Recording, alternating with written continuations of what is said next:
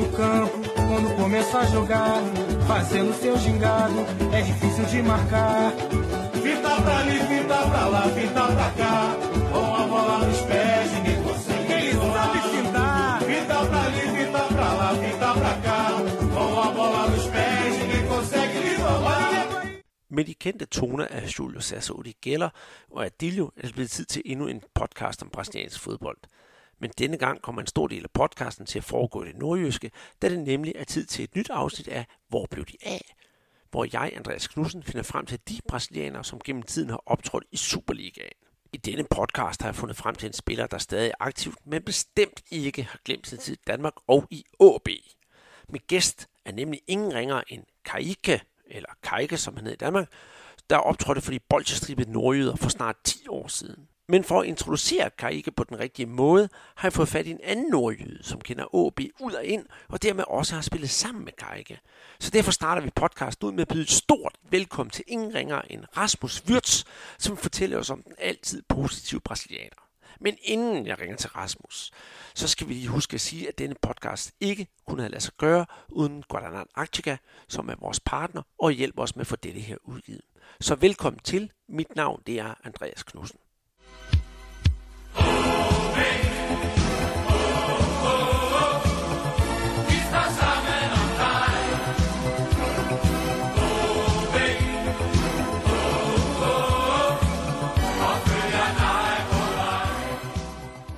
Velkommen til Brasserbold, Rasmus Wirtz. Og øh, jeg må nok sige, at øh, når folk hører dit navn derude, så tænker de måske ikke så meget på brasiliansk fodbold, men det kommer vi jo ind på.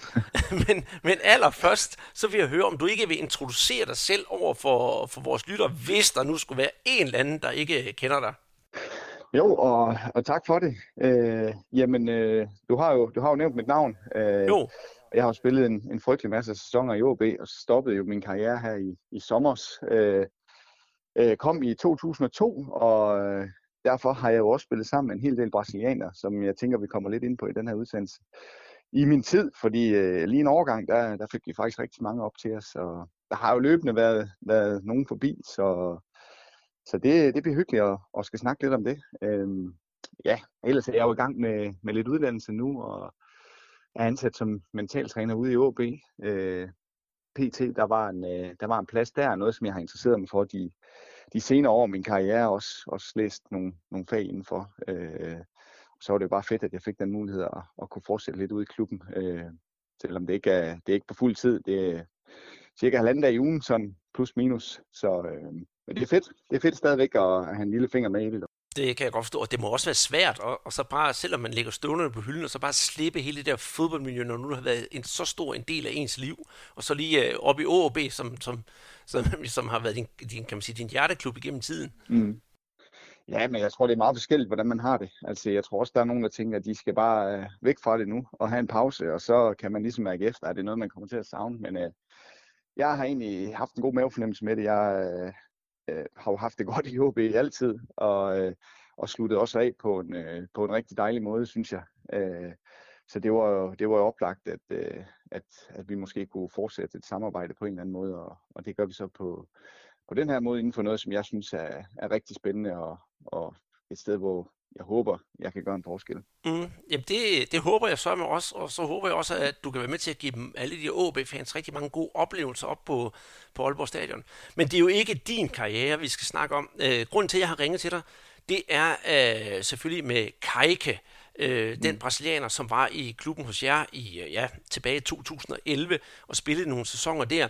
Øh, mange husker i hvert fald øh, meget positivt tilbage på ham, og øh, vi her på Brasserbold har jo fulgt hans karriere siden. Han både spillet i Flamengo, i Santos og ja, i, i Goiás, en mindre klub i Brasilien, og nu rykket eller sin tilpæl op og rykket til, til, til Katar.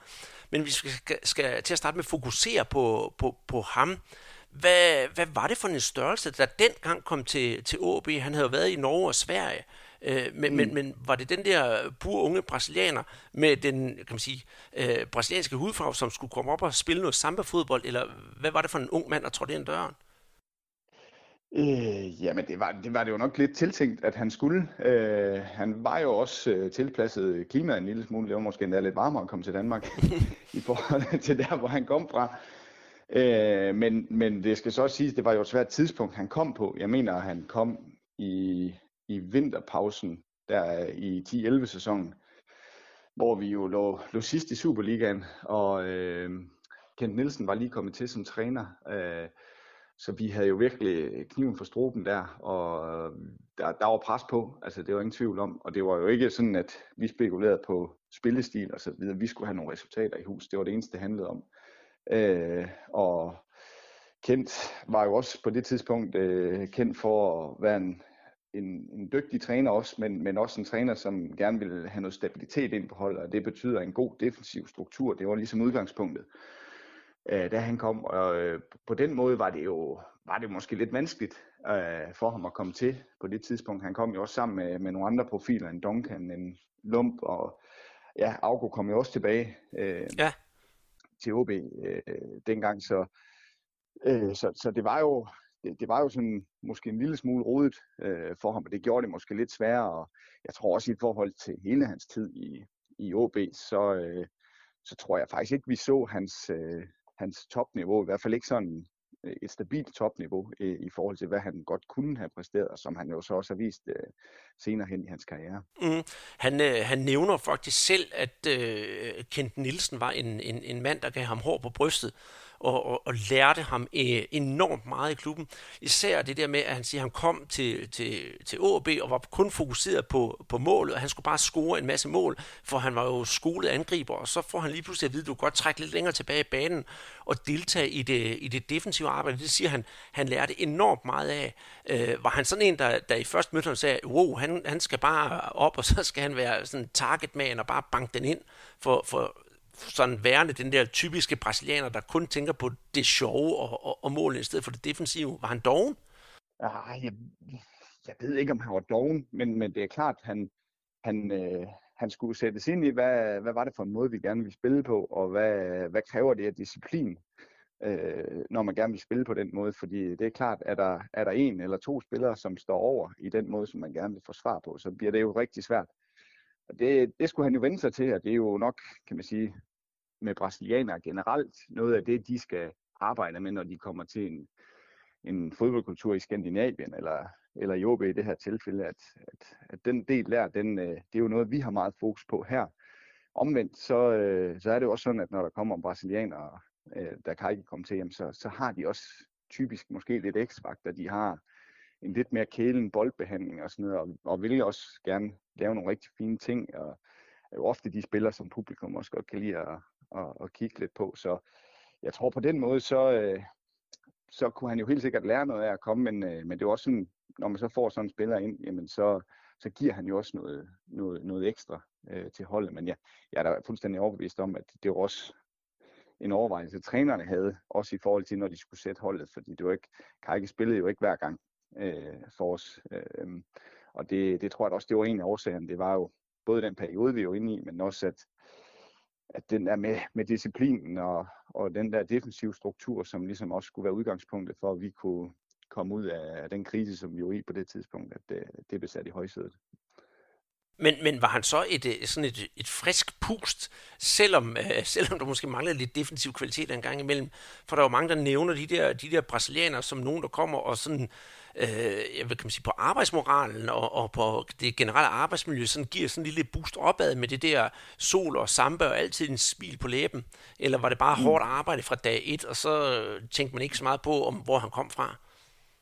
Ja, men altså, der er jo øh, selvfølgelig øh, på banen, der er det jo, der er det jo et frisk pus, og det er, var han jo også uden for banen, synes jeg. Øh, fordi han, øh, som jeg husker ham, øh, så var han jo altid øh, glad og, og havde godt humør, også selvom han havde nogle perioder, hvor han måske ikke spillede så meget. Jeg husker lidt, han blev lidt ramt på et tidspunkt, fordi der var, der var lige pludselig lidt langt til, til spilletid for ham, og der kunne man godt se sådan, moralen til træning og sådan noget, den, den faldt en lille smule, men ellers husker jeg ham som en, øh, en rigtig glad dreng, og øh, også en spiller, som, som også godt kunne gøre en forskel, og det, øh, det blev han jo ofte også brugt som, altså den der, man, den spiller, man kunne sætte ind, øh, hvis man skulle, øh, hvis man skulle ændre noget i kampen. Øh, så øh, jo, han, øh, han, han bidrog med alt det, han kunne. Det, øh, det er jeg slet ikke i tvivl om. Og hvad så uden for banen? Var, var det lige sådan, var det en, man mødtes bagefter med og, og, og fik en kop kaffe eller en øl, eller hvad man nu gjorde efter kampene? Ja, det, det, det gjorde man da, og det, det, det var også mange, der gjorde. Øh, jeg var, jeg var også selv i en periode, hvor jeg begyndte at få børn og sådan noget, så det var ikke sådan de store caféture, jeg nåede med ham på det tidspunkt. Men øh, som jeg husker det, jamen, så var der, der, så var der andre.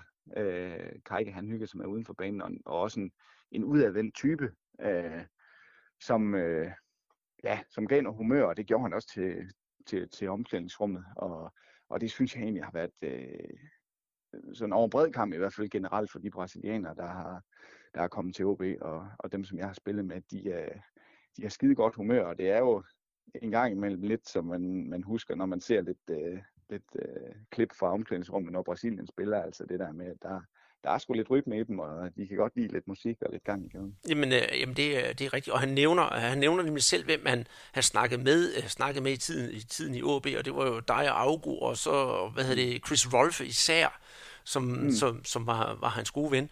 Så, så i det hele taget, så siger han jo, at han, hans, hans tid i OB, det er virkelig noget, der har klædt ham på til hans senere karriere. Og så der kunne jeg nemlig også godt tænke mig at høre, om, om er du overrasket over, hvad han har drevet øh, i sin karriere siden da? Fordi det var en tur i Frankrig, og det er jo som sagt tilbage til de der større brasilianske klubber, hvor han ikke måske har haft fast spilletid, men altså øh, at skulle spille ved siden af, sammen med farlige Fred og Paulo Guerrero, og de der typer, og øh, Gabriel Barbosa, som har spillet i Santos mm. på daværende tidspunkt. Det er, jo ikke, det er jo ikke små personer, han har spillet sammen med, så, så jeg tænkte også på, gud, altså en, en gammel OB'er, der er oppe på det her niveau nu, det var jeg selv mm. lidt imponeret over. Ja, og det, det, det er jeg da egentlig også overrasket over, at, øh, at, at han nåede op på det niveau. Øh, men, men sådan er det jo også nogle gange. Altså, man, man, man går måske også en lille smule død i det et sted, og sådan kan det jo nogle gange være. Altså, jeg har jo selv prøvet det. Altså det der med at være et sted, hvor man føler, øh, det, det, det er sgu nok ikke lige her, at, øh, at man slår igennem. Øh, og så kommer man et nyt øh, sted hen, et nyt miljø, og i hans tilfælde nogle helt andre kulturer og andet klima og så videre, og så får man lige pludselig energien igen. Øh, men, men hans sidste tid øh, i OB, øh, hvis man ser det lyset øh, af det, så, så er han også overrasket over, at, øh, at han har drevet det til det, han har. Det er jo bare, det er jo bare hatten af for Kai, at, at han nåede op på det niveau i sin karriere. Og af hvad jeg hører, så, så med vores snak før her, så, så er han i Katar nu og får os, øh, får os lidt ind på bankbogen, så det er jo bare det var herligt for ham. Ja, det er helt bestemt, og det, det er også noget, han siger, den snak, jeg har med ham, nemlig at, at øh, han tog for eksempel til, til, til, til Japan også for at spille, men det var simpelthen for at sikre sin, øh, sin, sin fremtid. At det er også noget, der har været kendetegnet ved de brasilianere, jeg har fået. Nu ved jeg godt, at jeg har haft, øh, jeg har haft Chris for eksempel, som også spillede på det brasilianske U17-landshold, øh, for eksempel nogle store talenter, men det er måske sådan nogle, hvad kan man sige, nogle journeymens, der kommer op, og så bare skal jeg, jeg have noget spilletid selvfølgelig, lære noget, lære en masse, men så også sikre sig øh, lidt penge, fordi i Brasilien, øh, hvis man skal spille på et relativt godt niveau, så skal man virkelig, altså, virkelig slå igennem for at kunne, kunne mm. sikre sin fremtid. Og det kan man jo gøre i Danmark. Er det det, I har nu også set brasilianerne som være nogen, der skal ja, fremtidssikre sig selv? Øh, ja, men sådan er det jo nok. Både med, med nogle brasilianere i hvert fald, og, øh, og afrikanske spillere, og, og hvad der helst. Altså, det er jo noget andet. Det er jo noget andet, de kæmper for.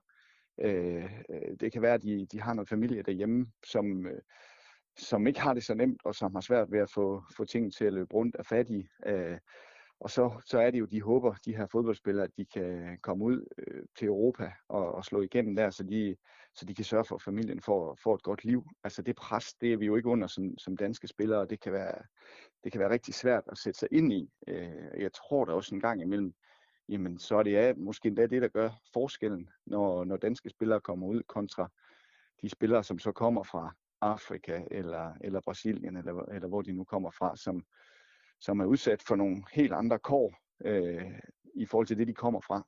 Øh, der, der tænker jeg da godt nogle gange, at, øh, at, øh, at, at det kan være det, der, der gør, at det, de hænger i. Øh, og det, det gør vi sgu nok ikke øh, som danske spillere, fordi vi er på en eller anden måde sikret øh, på en anden måde. Mm. Men, jeg, men jeg tænker også på øh, oppe i, i AB dengang.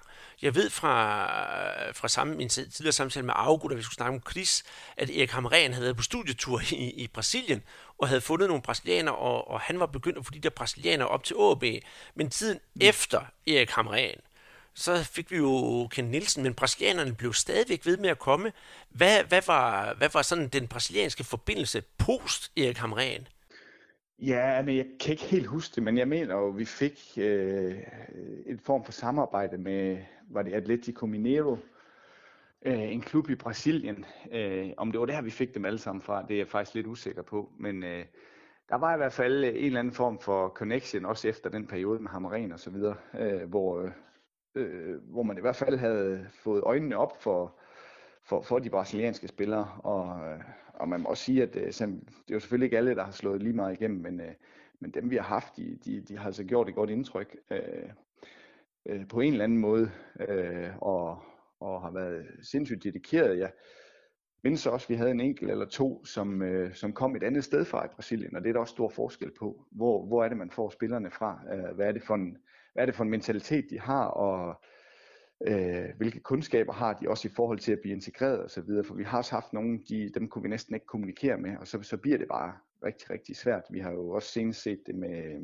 Flotte, som, øh, øh, som, som havde lidt det samme. Han, han, øh, han var en rigtig dygtig fodboldspiller, men, men vi kunne ikke rigtig kommunikere med ham. Han kunne dårligt sige et engelsk ord, øh, og var samtidig med sådan lidt introvert, og så er det bare svært at få det maksimalt ud af dem. Øh, og der havde vi nogle stykker, øh, der har vi selvfølgelig også haft nogle stykker, som, øh, hvor de, de blev sgu en lille smule isoleret, og så er det bare svært at, at også slå igennem på fodboldbanen, men generelt vil jeg sige om, om, om dem, vi har haft, det har, det har været nogle herlige drenge, og øh, jeg husker jo Thiago, øh, til dels også øh, Tullio, men Thiago, det var helt vildt. Han lærte jo dansk på tre måneder og gav sit første danske interview, efter han har været i klubben i tre måneder.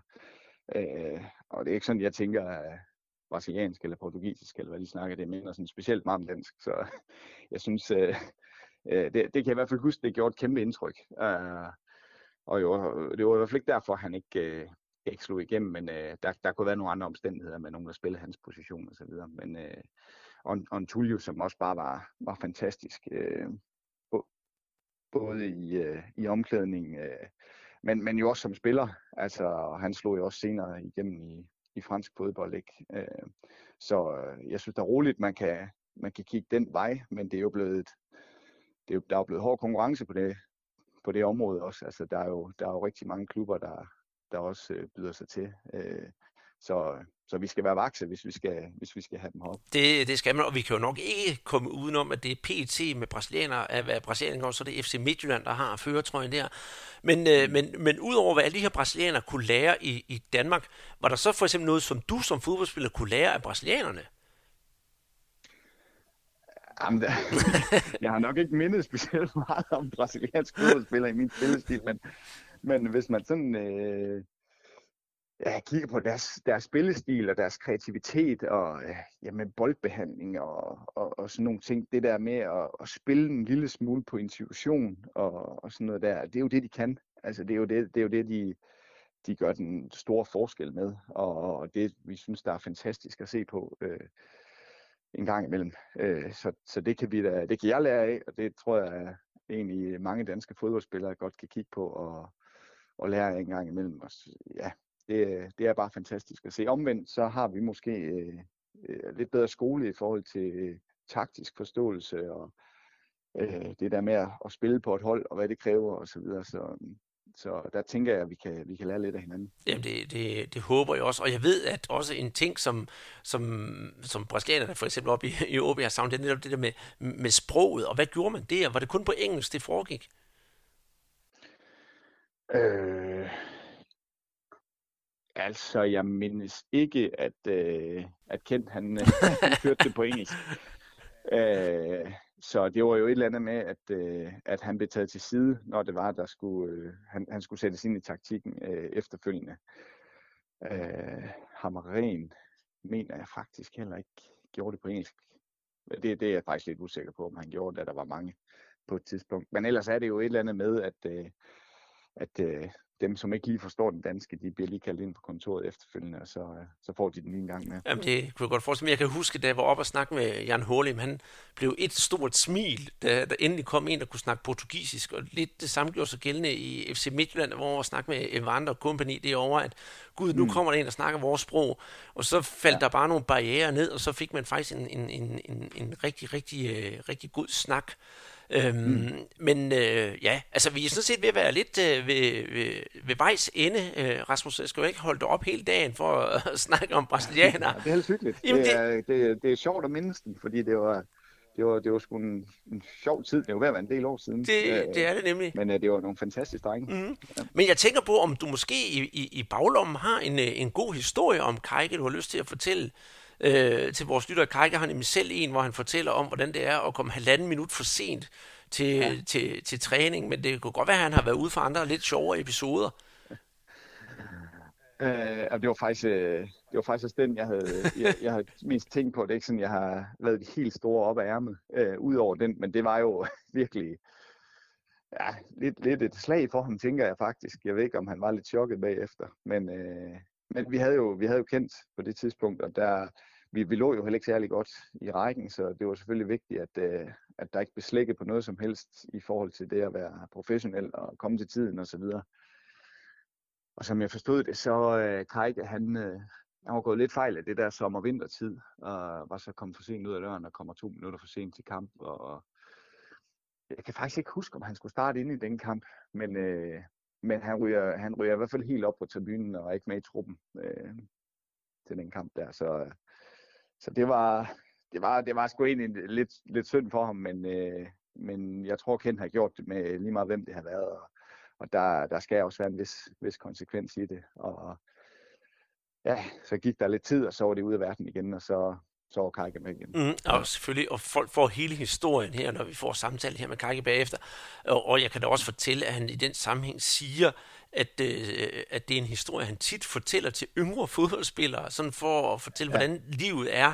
Og han var øh, virkelig rasende og irriteret over det, øh, dengang det skete, men i dag, der kan han altså godt se det fornuftige i det, og det er nok det, han siger med, at Kent Nielsen gav ham både hård hud under fødderne mm. og, og hår på brystet. Og med det, ja. øh, Rasmus, så siger jeg altså tusind tak, fordi jeg måtte øh, ringe til dig, og jeg håber, hvis jeg får fat i Thiago eller en af de andre, så lige kan ringe til dig, så du kan komme med nogle gode historier om dem også.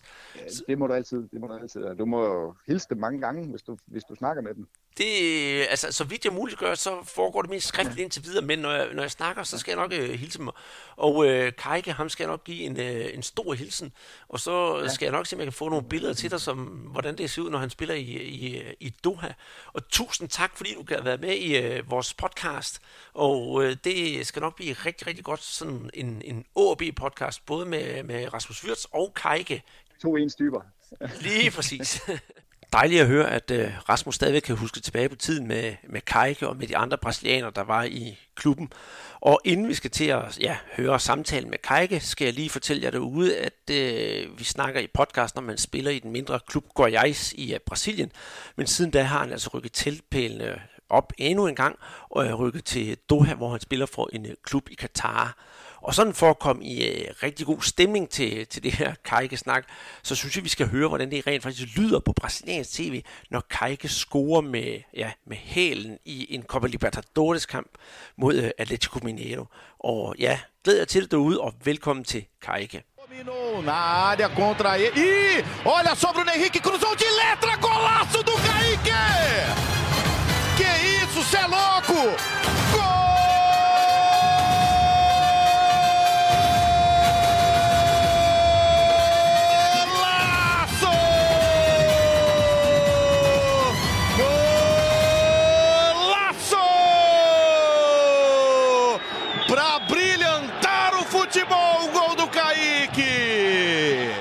Velkommen til Brasserbold Karike. Det er virkelig en stor fornøjelse at have dig igennem, og jeg glæder mig virkelig til at snakke med dig. Men før vi starter, så synes jeg, hvis det er på sin plads, at du selvfølgelig, nu har Rasmus Syrs gjort det, men du selv præsenterer dig for vores øh, lyttere. Ja, beleza. Aqui quem tá falando er o Kaique.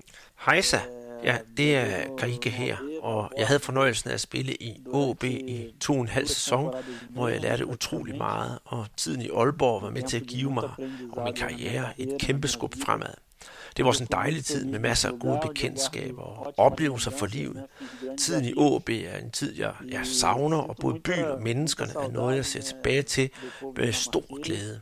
Jeg har som sagt heller ikke glemt OB, og jeg følger stadigvæk klubben på de sociale medier, såsom Instagram og Facebook, og jeg har heller ikke glemt de mange fans, som skal have en stor hilsen fra mig. Un um grande abraço aí para a torcida do Alborg. Men inden vi kommer til ja, snakken om tiden i det nordjyske karriere, så tænker jeg på, at vi skal starte i ja, din første klub i, øh, i Brasilien, som du spillede i, som var ingen ringer end øh, uh, Zikus fodboldskole, som ligger i, i Rio.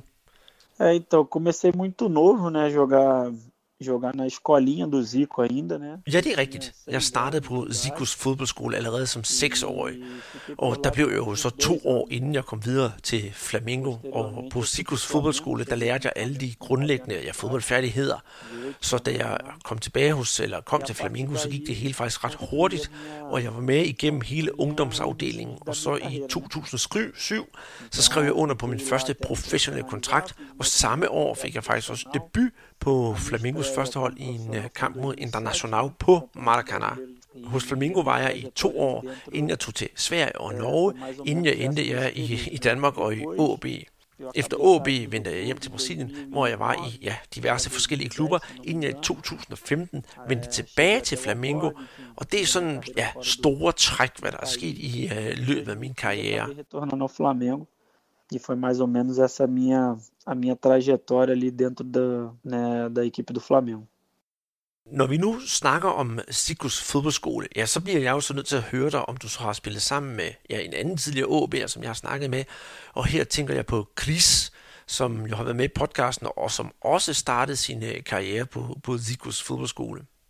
É, então, o Cris é um amigo em comum é, que acabou jogando no, no, no OB, né, no Alborg. Ja, det er rigtigt. Chris må jo sige sig være en, en fælles ven, som, ja, han kom jo til OB før mig, og vi kender hinanden, og dengang var han faktisk en rigtig god reference for mig, inden jeg tog til Danmark.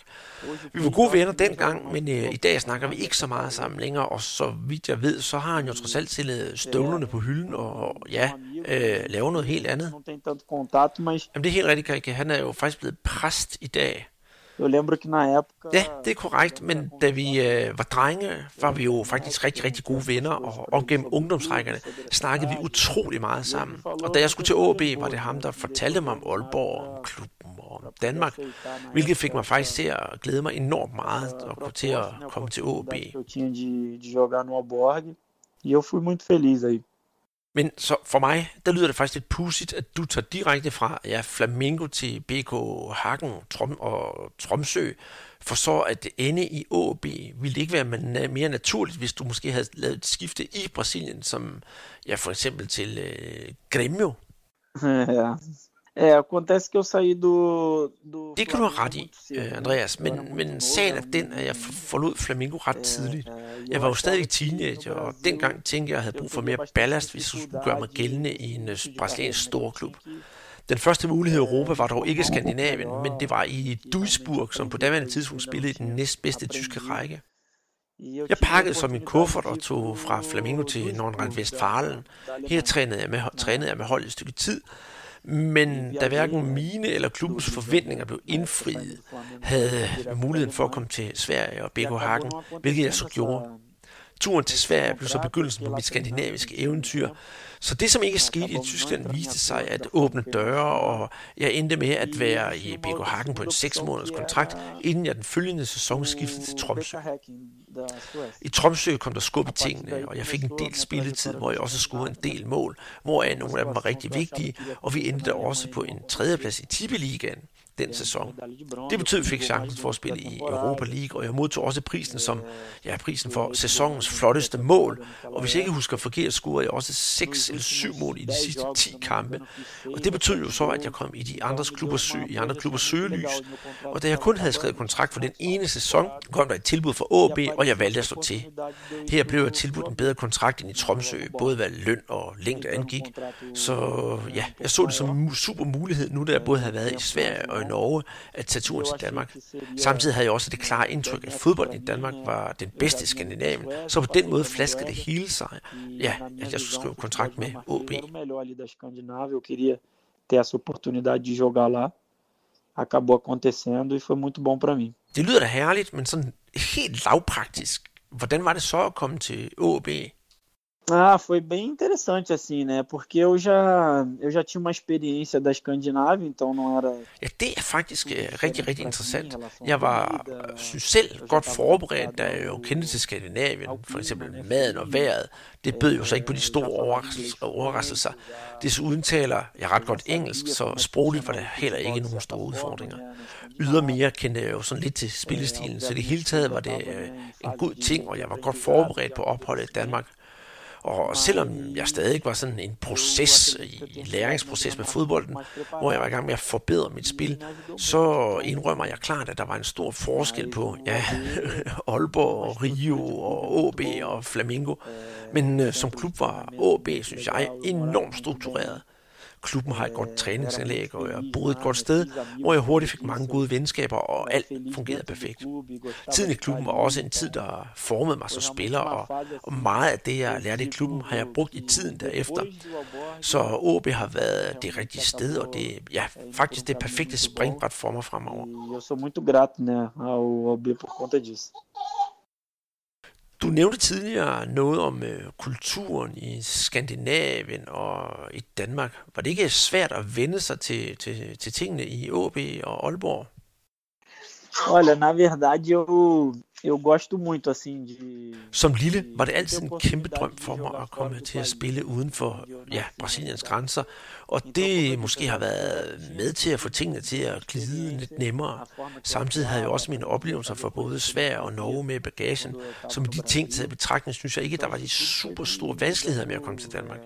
Samtidig bekom det mig vel på den måde, man beskuer professionel fodbold, da jeg følte, at jeg blev behandlet med respekt, både privat og professionelt. På banen og til træning var der nye ting, som jeg lærte meget af, og som jeg kunne bruge. Det betød blandt andet, at jeg blev en mere komplet spiller, og jeg var langt mere moden og klar til at tage mere ansvar, da jeg skulle videre min karriere. Jeg vil ikke lægge skjul på, at min karriere har været rigtig god, for efter OB, så kom jeg jo tilbage til ja, Brasilien og spillede Flamengo, og også andre store klubber, herunder for eksempel Santos og Fluminense.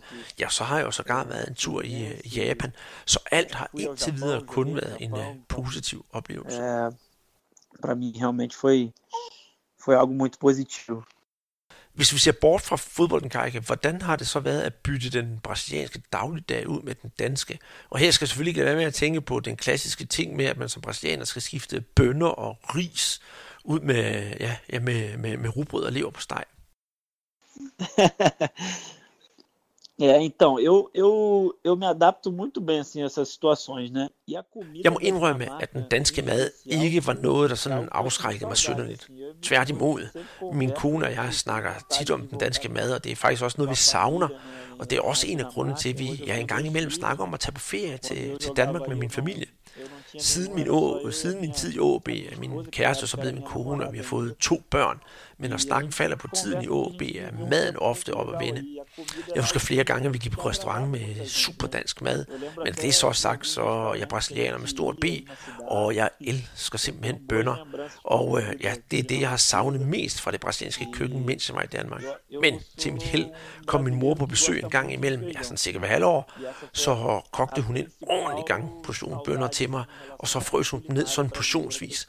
Så når hun var taget hjem, kunne jeg i ny og næ tage en portion bønder op af fryseren, så når den kulinariske hjemme skulle dræbes, så var det ikke andet end lige at gribe ned efter en pose. Så i den tid, jeg boede alene, var der altid, ja, som sagt, bønder klar i fryseren, og da min kæreste, altså nu var en kone, kom herop, så var det heller ikke noget problem.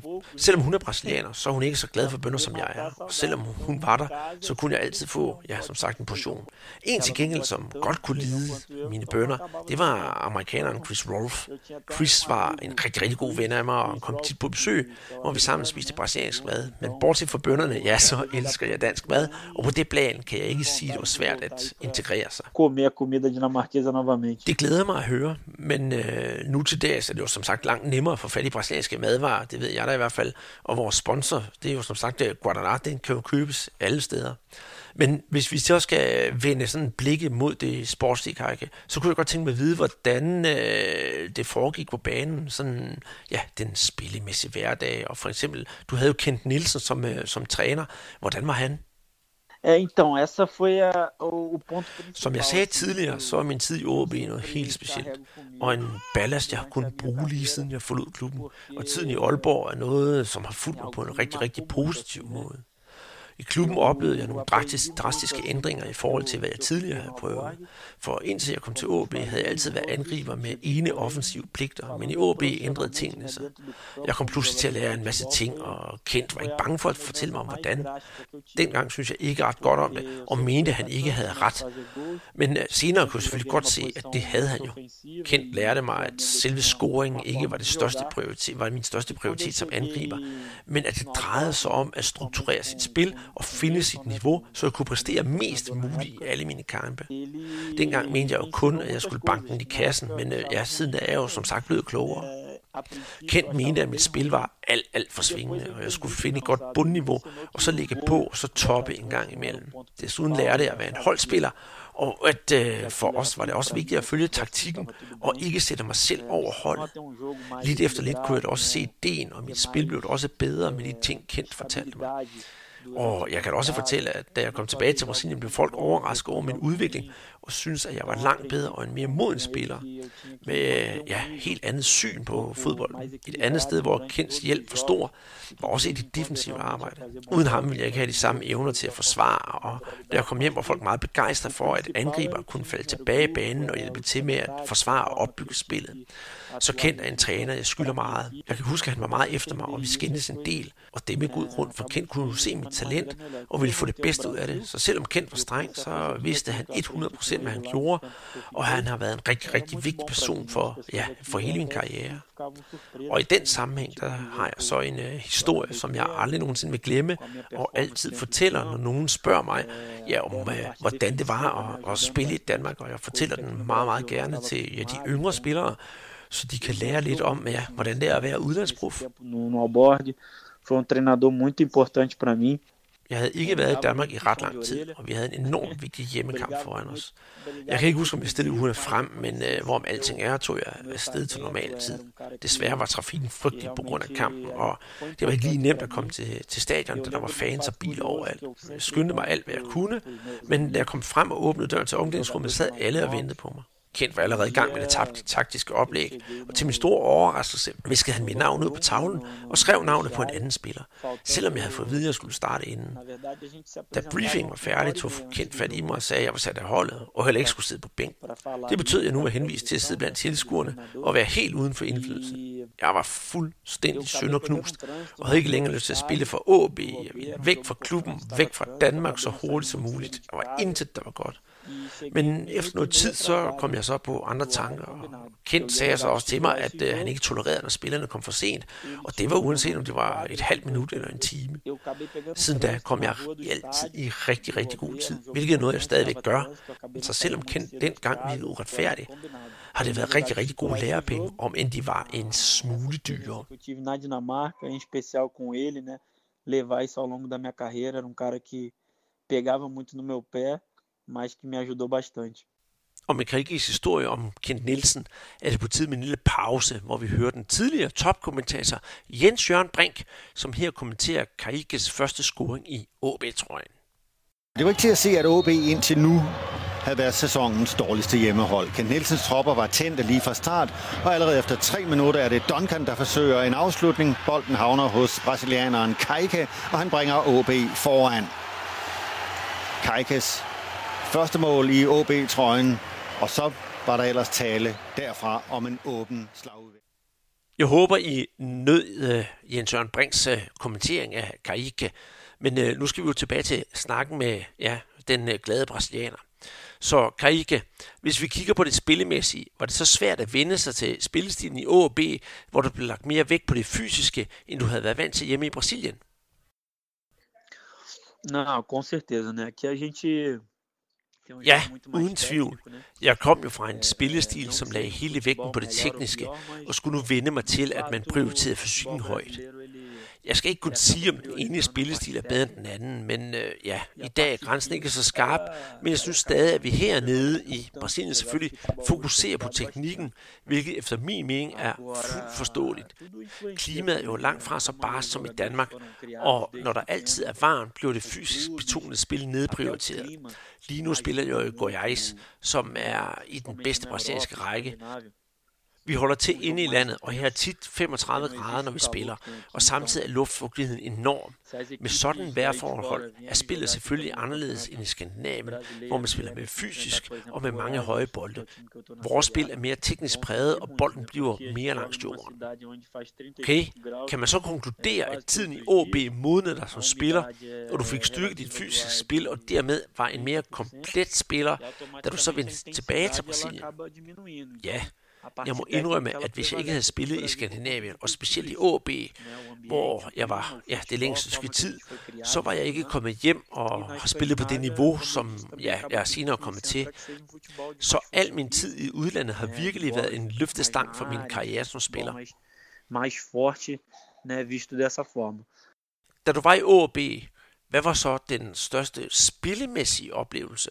Olha, Øh, ja, hvad angår titler, nåede jeg ikke at være med, da klubben vandt mesterskabet, hvilket rent faktisk skete den følgende sæson.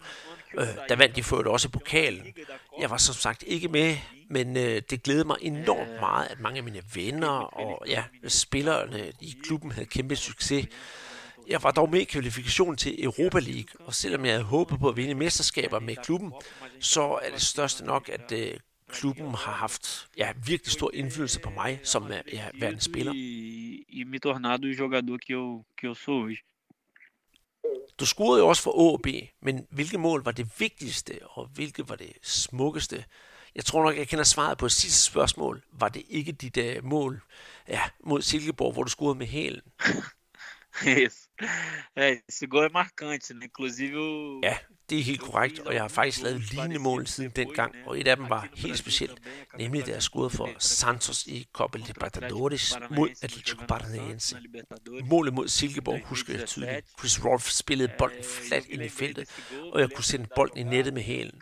Jeg tror at jeg scorede to gange, men målet med hælen er jo det, folk husker. Men hvis jeg skal tænke på det vigtigste mål, så synes jeg, at min første scoring for AB er enormt vigtig. Og så selvfølgelig det første mål efter min skadespause, hvor jeg var blevet opereret i menisken. Det har været en meget hård tid, så forløsningen var stor for mig, da jeg på ja, hjemmebane i Aalborg sendte bolden i nettet. Jeg dedikerede faktisk også målet til min kone, som havde støttet mig hele vejen, og som sad på lægterne og så det. Hvad så med det sociale aspekt i klubben? Havde du meget kontakt med de andre spillere uden for banen? É, então, essa parte social eu. Jeg synes selv, jeg var meget udadvendt og havde god kontakt med de andre spillere. Jeg tror også, hvis jeg ikke havde været så social, så var jeg nok taget tilbage til Brasilien før tid. Så på trods af kulden og sproget befandt jeg mig rigtig godt i klubben. Jeg snakkede meget med vores fysioterapeut dengang Morten, og har stadig kontakt med ham dengang i dag. Hvis vi snakker om spillerne, så var jeg rigtig gode venner med ja, Chris Wolf og øh, amerikaneren Marcus Tracy. Jeg havde også kontakt med de andre mellem- og sydamerikanske spillere, som kom forbi klubben. Og her tænker jeg tit på Dennis Marshall, som ikke er længere er blandt os. Jamen, hvad så med de danske spillere? Havde du også kontakt til dem? Ja, det havde jeg. Og jeg tænker på, ja, ja, hvad er det nu, han hedder? Nå ja, Rasmus Tillander. Jeg havde nær glemt navnet, da jeg tit forvekslede ham med den anden Rasmus, nemlig Rasmus Wirtz. Men vi var tit hjemme hos hinanden, hvor vi spiste sammen. Vi gik også til fitness sammen. Vi mødtes også tit i weekenden, hvor vi sad og ja, så Premier League og hyggede os, mens vi spiste is. Vi besøgte også hinanden en del, og da vi begge var vild med sushi, tog vi faktisk ret tit ud at spise. Det er også gået fint for ham siden da, og ja, han har også fået en karriere i udlandet. Så vi følger stadig hinanden på de sociale medier og snakker med hinanden en gang imellem. Så når jeg tænker tilbage, så er det de to gange Rasmus, Ja, ja, jeg glemmer jo heller aldrig holdets tiger, nemlig Jeppe Kurt, en super fyr, der hjalp til til træning og, og også inviterede mig hjem til sig, så jeg kunne lære ham bedre at kende. Ja, jeg skal heller ikke glemme Thomas Augustinusen. Ja, I det hele taget var de danske spillere rigtig gode til at tage ansvar for os udlændinge. Eu era realmente muito, muito feliz no, no OB. Mig lyder som en klub, der tager sig rigtig godt af sine udlandske spillere. Er det korrekt? Exatamente. É, eles me davam todo suporte, né? Ja, det synes jeg. Uh, det er helt rigtigt. Klubben gjorde en stor indsats for at få os til at føle os hjemme. Om det så var i lejligheden eller på gangen i klubben, så var det med til at hjælpe, og her tænker jeg især på John, der altid stod til rådighed. Og det var, ja, om det var min vaskemaskine, der skulle laves, eller mit køleskab, der ikke virkede, så stod han klar med at få hverdagen til at glide lidt bedre. Me dava todo o auxílio, suporte que eu precisava para fazer o meu melhor ali dentro de campo. Hvad så med sproget, Kajke? Du er ret god til engelsk, men det var vel ikke altid nemt at følge med, når du blev snakket dansk? Olha, o dinamarquês para mim é uma das línguas mais difíceis assim que eu Dansk er for mig et af de sværeste sprog, jeg har stiftet bekendtskab med. Det er endda sværere end svensk, men da langt de fleste talte godt engelsk, valgte jeg selvfølgelig den nemme løsning, hvilket jo har været med til, at jeg, jeg ikke lærte ret meget dansk.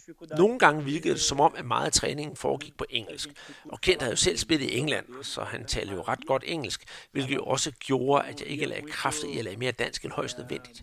Dengang tænkte jeg også på, at det ikke var et sprog, jeg fik brug for senere, og det var bedre at bruge tiden på fodbold por todo mundo já falar inglês comigo e, e ser mais fácil para mim. Hvad så, når I spillede med OB, og der var andre brasilianere på modstanderholdet? Var det nogen, du snakkede med, eller var det faktisk øh, noget, man fik mere blod på tanden for, når man mødte dem, fordi man gerne ville slå dem? Olha, eu nunca, eu nunca fui desse perfil de, de ser amigo Ja, Andreas, for at være helt ærlig, så interesserede det mig ikke ret meget. Om det var en brasilianer eller dansker, jeg stod overfor, så var det en modstander som alle andre, og jeg har aldrig haft brug for at socialisere med landsmænd fra andre klubber. Om det er godt eller skidt, skal jeg ikke kunne sige, men uanset hvor jeg spillede uden for Brasiliens grænser, så var mit primære mål at være venner med dem, som var i klubben. I AB havde det jo ganske fint med mine klubkammerater. Og selvom der var flere brasilianere i andre klubber, som for eksempel FCK, så betød det jo ikke, at Claudemir var min gode ven, når vi stod over for hinanden. Vi hilste på hinanden som to professionelle fodboldspillere, men heller ikke mere. mas tudo muito normal, tudo muito profissional. Hvad synes du så var det bedste og det værste ved Danmark? Ah, pior coisa, com certeza. Ja, det værste, det er uden tvivl kulden. Jeg har aldrig været tilhænger af kulde. Og når man kom tilbage til den danske vinter, var det frygteligt, og er noget, jeg helst ikke vil huske tilbage på. Forestil dig at komme fra Rio, 40 grader, til sne i Aalborg og minus 10 grader, hvor man så skulle træne på dage, hvor alt var gråt, og det blev mørkt klokken halv fire.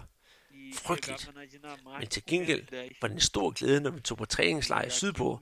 Jeg husker, vi havde nogle fantastiske ture til Spanien og Portugal, som var rigtig gode. Så når turen gik, ja, som sagt, derned, så var det noget, jeg så frem til, og noget, jeg husker tilbage på, og mindede mig om, da jeg var hjemme i Brasilien. Hvis jeg skal tænke på de gode ting, så er det helt klart den danske mentalitet. Alle var altid søde og hjælpsomme. Danskerne virker som et meget dannet folkefærd, hvilket jeg satte stor pris på. Jeg tænker også på dengang, jeg forlod klubben, hvor alle kom hen og sagde pænt farvel, Ja, selvom jeg ikke var en spiller, der havde store meritter i OB, så kom folk jo hen og takkede mig og gav mig gaver og hilsner, inden jeg tog tilbage til Brasilien. Det glæder mig også, at folk stadig følger mig og skriver beskeder til mig på alle sociale medier, hvor folk også spørger mig, hvornår jeg kommer tilbage til OB. Det er blandt andet derfor, jeg husker tilbage på tiden i Aalborg med rigtig, rigtig stor glæde. Men efter OB, så kom du tilbage til Brasilien og spillede først i Paraná Futebol Clube, og derefter hos Flamengo. Var det ikke en mærkelig følelse, at man pludselig skulle tilbage og spille for 70.000 på en fyldt Maracanã, i stedet for, ja, øh, eksempelvis en pokalkamp uden mange tilskuere i Horsens? É, então, Flamengo foi o clube que eu... Selvom der ikke er 50.000 mennesker på stadion i Aalborg, så forventer tilskuerne det samme som dem i Flamengo. Så øh, der har tiden i Danmark jo også været med til at forme mig som spiller. Uanset hvor mange der er på stadion, så burde det ikke have indflydelse på spillet. Det handler ikke igen om at modne sig som spiller. Så selvom jeg havde været væk fra rampelys og den brasilianske presse, så var jeg forberedt på postyret, der kom tilbage til Flamengo. Heldigvis for mig havde jeg en af mine bedste sæsoner tilbage i 2015, hvor jeg scorede hele 27 mål. Så alle folk var bare glade og tilfredse, inden jeg tog til acabei no, no outro ano por tudo que eu fiz sendo vendido para o Japão. Jo, nu nævner du selv Japan, hvilket bringer mig videre til mit næste spørgsmål. Hvad fik dig til at rykke tilpælene op igen og så tage til Japan? Det virker underligt, da ja, du nu var kommet tilbage til Brasilien, havde stiftet familie og lige havde fået en søn. É, exatamente. Meu filho tava... Du har helt ret. Det gik rigtig godt i Flamengo, hvor jeg fik en del spilletid og også skåret mål. Jeg var også lidt blevet far, så alt var bare perfekt. Men jeg var også i tvivl om kontrakten i Japan. Og selvom ja, jeg ikke ville væk fra Flamingo, så var det en karrieremulighed, jeg kunne sige nej til. Det krævede store overvejelser, men hvis jeg skulle tænke på min families fremtid og ja, min egen, så var kontrakten altså alt for god til at afstå. Så selvom alt gik fint i Rio, så sker der nogle gange ting i ens karriere, hvor man bliver nødt til at slå til, hvis man skal få det bedste ud af det. Det var jo heller ikke første gang, jeg var væk fra Brasilien, og jeg skal også tænke på, at jeg ikke kan være professionel hele livet. Men det er da også rigtigt, at det er en stor omvæltning at tage en barn ud for en tryg hverdag. Jeg er jo selv fra Rio, elsker byen, så at forlade Brasilien, når man for alvor har slået rødder, det var bestemt ikke nemt. Det er fuldt forståeligt, og jeg kan sagtens sætte mig ind i det, du siger. Men efter Japan tog du igen tilbage til Brasilien og kom til Santos, ja, sågar Fluminense. Men hvordan var det at spille for klubber, som ja, i den forstand er direkte rivaler til Flamengo, som er den klub, du opdragede i? É, então, aqui, aqui no Brasil tem muito isso, né? Det er et rigtig godt spørgsmål, Andreas. I Brasilien bliver man meget hurtigt identificeret med den klub, hvor man starter sin professionelle karriere. Og for mange er det meget svært at skifte til en anden klub, da fansene har svært ved at acceptere, at man skifter. For mit eget vedkommende kom jeg hjem fra Japan og ville gerne til Flamengo. Men på daværende tidspunkt havde klubben jo de spillere, som passede til min profil. Og da jeg ikke ville vente, så så jeg efter en klub på samme niveau, som kunne bruge mig og give mig spilletid. Og da Santos tilbød mig en kontrakt, kunne jeg ikke sige nej. Santos, ja, det er jo en stor klub, og dengang spillede jeg jo trods alt med i Copa Libertadores, hvilket også var vigtigt for mig. Det endte jo også med at blive en god sæson. Jeg havde flere gode kampe og scorede en del vigtige mål. Blandt andet min scoring med hælen i Copa Libertadores, så jeg nød virkelig min tid i Santos. Dog er det med tilhængerne, der ikke glemmer, hvorfra jeg kom, så der var til tider nogen, som ikke var helt tilfreds, fordi jeg spillede for Flamengo. Især for spillere fra Flamengo får med grovfilen, da det er jo den klub med flest tilhængere i Brasilien. Det betyder, at man enten elsker Flamengo, eller så kan man ikke fordrage Og det gælder især de rivaliserende klubber, såsom ja, Santos, Fluminense, hvor jeg har spillet. Men skal man lukke munden på kritikerne, så gælder det om at bide tænderne sammen og lade fødderne tale. Hvis man spiller godt og scorer mål, får det selv de mest negative fans til at skifte mening. Så ja, det var, hvad jeg prøvede på, da jeg spillede i de to klubber. Hos Santos, det gik jo fint, men desværre kan jeg ikke sige det samme om tiden i Fluminense. Her blev det ikke til den spilletid, som jeg havde ventet, og samtidig gik det heller ikke godt for klubben. Så ja, det var sgu ikke den nemmeste tid, jeg havde, og jeg var der jo så selv her ikke lang tid. Nu er jeg så i Goiás, hvor det virkelig går godt. Jeg er fast med på holdet og er blandt de mest scorende i den brasilianske liga, så ja, alt i alt så er jeg godt tilfreds. E a vida tá, tá seguindo muito bem. Mange kender kun de store klubber, såsom Grêmio, Cruzeiro, São Paulo, Santos, og så selvfølgelig de fire store klubber i Rio. Men hvad er Goiás for en størrelse? Det er jo ikke en klub, som kæmper med mesterskabet, og tit går den under radaren. Kan du ikke fortælle lidt om klubben og hvordan den ligger? É, aqui é muito mais tranquilo, né? Her er enormt dejligt. Det er ikke en by, som kan sammenlignes med Rio og São Paulo. Goiânia er selvfølgelig en stor by med over halvanden million mennesker.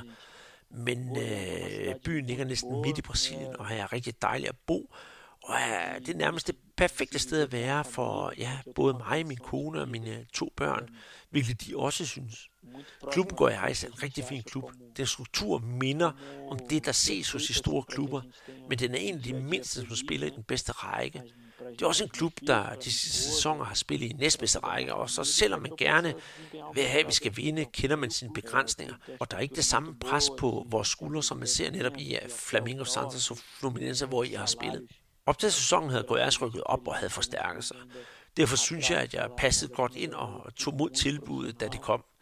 Klubben har alt, hvad man kan tænke på. Ledelsen fungerer. Vi har en god træner, og vi har nogle super træningsfaciliteter. Derudover har klubben også mange andre goder, og stedet, hvor vi bor, er som sagt rigtig fint og fantastisk. Jeg skal også nævne, at økonomien i klubben er fin, og man får en fin løn, som bliver udbetalt til tiden, hvilket jo til tider er et problem i professionel fodbold i Brasilien. Her har vi jo set, at klubben ikke har råd til at betale løn, men det sker bare ikke her. For mit eget vedkommende ser jeg det også som en mulighed for at komme tilbage i søgelyset, hvilket jo er sket, da jeg jo er fast mand og scorer en masse mål jeg er på kontrakt til, ja, til udgangen af december. Og derefter, der må vi se, hvad fremtiden byder. Nu fortæller du, du er fastmand i Goiás.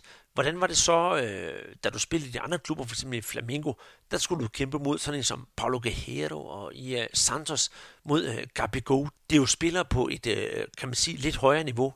É, então, quando, quando você está em grandes clubes, né? Ja, det er det. Men set fra mit synspunkt har det været en del af spillet. Alle de store klubber, og her tænker jeg for mit vedkommende på netop Flamengo og Santos, er niveauet højere, og angriberne er tit store stjerner. Så når man er i sådanne klubber, gælder det om at kæmpe hårdt om pladserne med stjernerne. Det er nødvendigvis ikke en dårlig ting, da de er med til at trække en op, og man dermed bliver bedre. Men i går i Ice er det lidt anderledes, og alligevel ikke. Jeg blev hentet til klubben som angriber, og det er jo det, jeg skal leve op til. Så derfor er det vigtigt, at jeg holder et højt niveau og løfter det ansvar, der hviler på mine skuldre. Men nu må vi se, hvad resten af sæsonen byder på, og øh, ja, om vi kan klare det i den bedste række. Så at jeg ikke spiller på, ja, på højt niveau i de store profilerede klubber som Corinthians, Internacional og Gremio, betyder ikke så meget, at opmærksomheden er mindre. Så jeg er sikker på, at jeg har valgt ja, ja, det rigtige sted og er på rigtig vej så bliver jeg nødt til at spørge dig det, som mange OB'er gerne vil have svar på. Har du lyst til at vende tilbage til dansk fodbold og i særdeleshed OB? Olha, futebol ele é muito dinâmico, né? Fodbolden er en meget dynamisk sportsgren, og her skal man aldrig sige aldrig.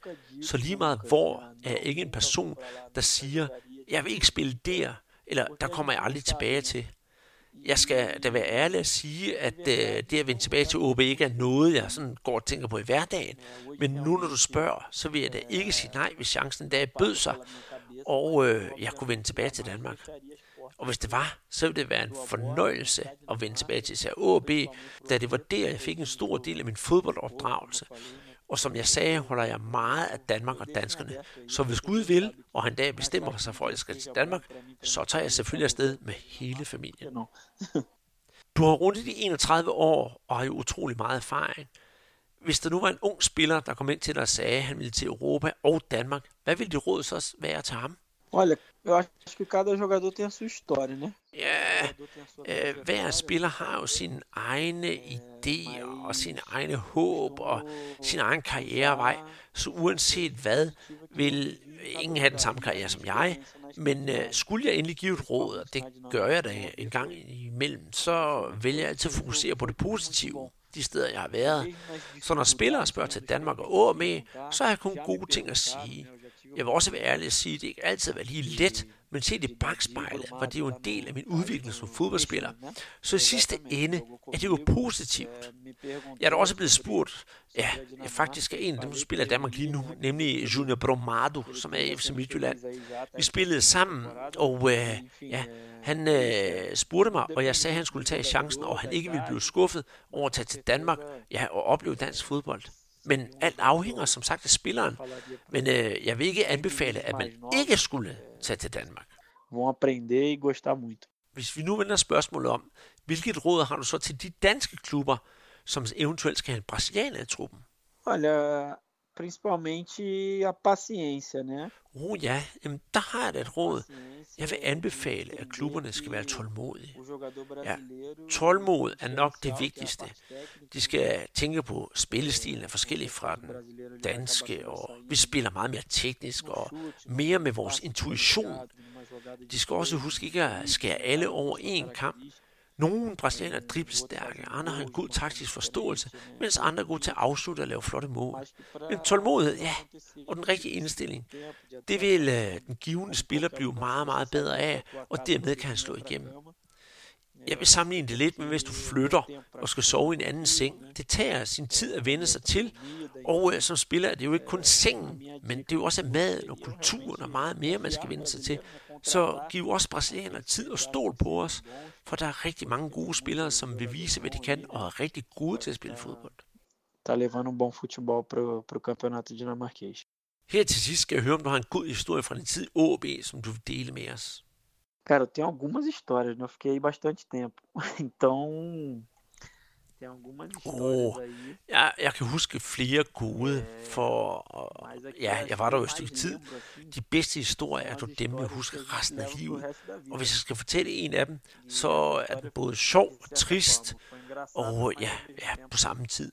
Den foregik dengang, jeg var skadet, og det skete under en træning med, med AB, hvor jeg kom galt afsted, skulle så derefter opereres i menisken. Operationen skulle dog ikke foregå i Danmark, men hjemme i Brasilien, hvor, ja, faktisk hos Flamingo, hvor deres kirurger og læger ville hjælpe. Meningen var så, at jeg skulle til Rio opereres, og jeg efterfølgende skulle blive dernede til genoptræning. Dagen, hvor jeg skulle afsted til Brasilien, opbrændt, men øh, da jeg stod op, snede det helt vildt og var frygtelig koldt. Kulden fik min knæ til at gøre helt vildt ondt, og ja, jeg kunne knap nok strække ben ud, så gjorde det. Meningen var, at jeg selv skulle køre til lufthavnen, hvor John ventede og ville overtage min bil, indtil jeg kom tilbage. Alt var aftalt, og jeg var stået tidligt op, så jeg kunne være god tid. Men sneen var ikke min ven, og når det sneer, kommer sneploven som sagt forbi på vejene. Men lige den dag, da jeg skulle afsted, der var sneploven forsinket. Så jeg tog min lille bil og øh, kørte afsted, men øh, pludselig sad jeg fast i en kæmpe snedrive. Jeg steg ud af bilen, prøvede at komme ud og grave væk, og så videre, og så videre, og satte mig ind og prøvede at køre videre, men jeg kom ingen vegne. Så ja, jeg blev mere og mere desperat, og det gjorde mere og mere ondt i knæet, mens jeg gravede. Prøvede at grave sneen væk. Jeg kunne bare ikke komme væk, og øh, ja, det endte med, at jeg måtte efterlade bilen, åbne bagagerummet, tage min bagage, og øh, mens jeg gik med bagage, stortudede jeg, fordi, uha, jeg græd, og jeg græd, og jeg græd. Jeg vil aldrig tilbage til Danmark, og mine kufferter blev tungere og tungere. Det var jo landet, der havde ødelagt mit knæ, og alt var bare frygteligt. Men øh, hvorom alting er, så endte det med at komme til busstopstedet og stod på en bus, som kørte mod til lufthavnen. Ude i lufthavnen fik jeg skiftet tøj og snakket med John og kom afsted. Og det endte jo alligevel med alt var skønneste orden. Og da jeg kom tilbage til AB og fortalte historien, var der kun smil og latter. Jeg kan også kun selv grine af historien i dag, men dengang var det bestemt ikke noget at grine af. Jeg tænker på, om uh, Kajke, du har lyst til at afslutte min hilsen til Danmark, og især de AB'er, som husker dig. É, então, primeiramente agradecer aí pela, Jamen det har jeg da. For det første så vil jeg sende en hilsen til alle i, i, i Danmark, og især til dem, der er i Aalborg og i OB, og faktisk også til alle dem, der er i klubben, for uden at jeg har været i OB, var jeg nok ikke kommet der, hvor jeg er i dag. Det var en klub, der gav mig rigtig, rigtig meget. Ja, og faktisk blev ved med at give mig den dag i dag, for jeg tænker altid tilbage på det. Hver gang jeg logger ind på min Facebook- eller Instagram-profil, kan jeg se, at der er OB'er, der følger mig og sender mig hilsner. Det gør mig så evig glad, og det betyder, at øh, den tid, jeg har været i OB, har været stor for mange. Øh, ja, som sagt, en kæmpe, kæmpe hilsen til alle i Danmark og netop alle OB's fans. Og samtidig så sender jeg en stor hilsen til alle de nuværende spillere i, øh, i OB og håber på, at de gør det bedste, og vi snart kan vinde et øh, mesterskab igen. Og samtidig så skal jeg også hilse både fra min kone og mine øh, to børn, og øh, ja, både min kone og jeg drømmer faktisk lidt om en dag at komme og, som sagt, at holde ferie i, i, i, i Danmark. Så til alle jer derude i uh, Aalborg og omegn, have en rigtig god dag, og så en kæmpe hilsen fra mig, Kajke. Jeg bliver nødt til at høre til allersidst, Kajke, høre dig. Har du ikke noget, du kan sige til dem på dansk? For et eller andet har du vel lært. Aí você Nej, nej, nej, overhovedet ikke. Jeg er helst fri for at sige noget på dansk, da det bare vil blive frygtelig, frygtelig pinligt. Så jeg nøjes bare med at sende en kæmpe, kæmpe hilsen til alle. Meu muito obrigado. Danke. Det var som sagt øh, snakken med Kajke om hans tid i OB og hans videre karriere og så videre.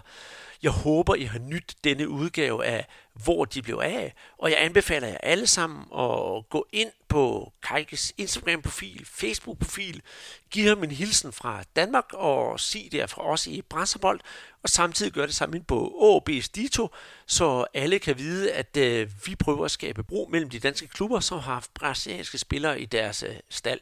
Derudover, husk at gå ind på vores Twitter- og Facebook-profil og øh, kommentere det, vi laver. Gerne en positiv tone. Og samtidig gå ind på iTunes og give os en masse stjerner, så vi kan komme op og spise ja, kirsebær med de helt store fodboldpodcast. For det er jo der, vi synes, vi i Pressebold hører til. Og med det siger jeg, Andreas Knudsen, på gensyn, og vi ses igen næste gang til Pressebold Pressepodcast. Ja, Kajke lige pludselig, så får han en uh, gratis mulighed. Kajke, oh. der er scoret! Brasilianske Kajke gør det til 1-0. Ja, og så er der ikke nogen, der slår Kajke på speed, og det der, det er et rigtig godt spark. Rigtig lækker træf. God bold fra City Vela. Rigtig god op mod Rolf. Torbjørn Holst Screener den af, men taber så duellen til Rolf. Her Kajke! Det er et genialt mål af Kajke! Helen og Schobalt i solskinnet i Silkeborg. Det er godt arbejde, Rolf. Giver sig fuldt ud og får den serviceret rigtig godt til Kajke, der lige laver den der. Hvis man kan høre heroppe opfra, så er det altså klapsalver.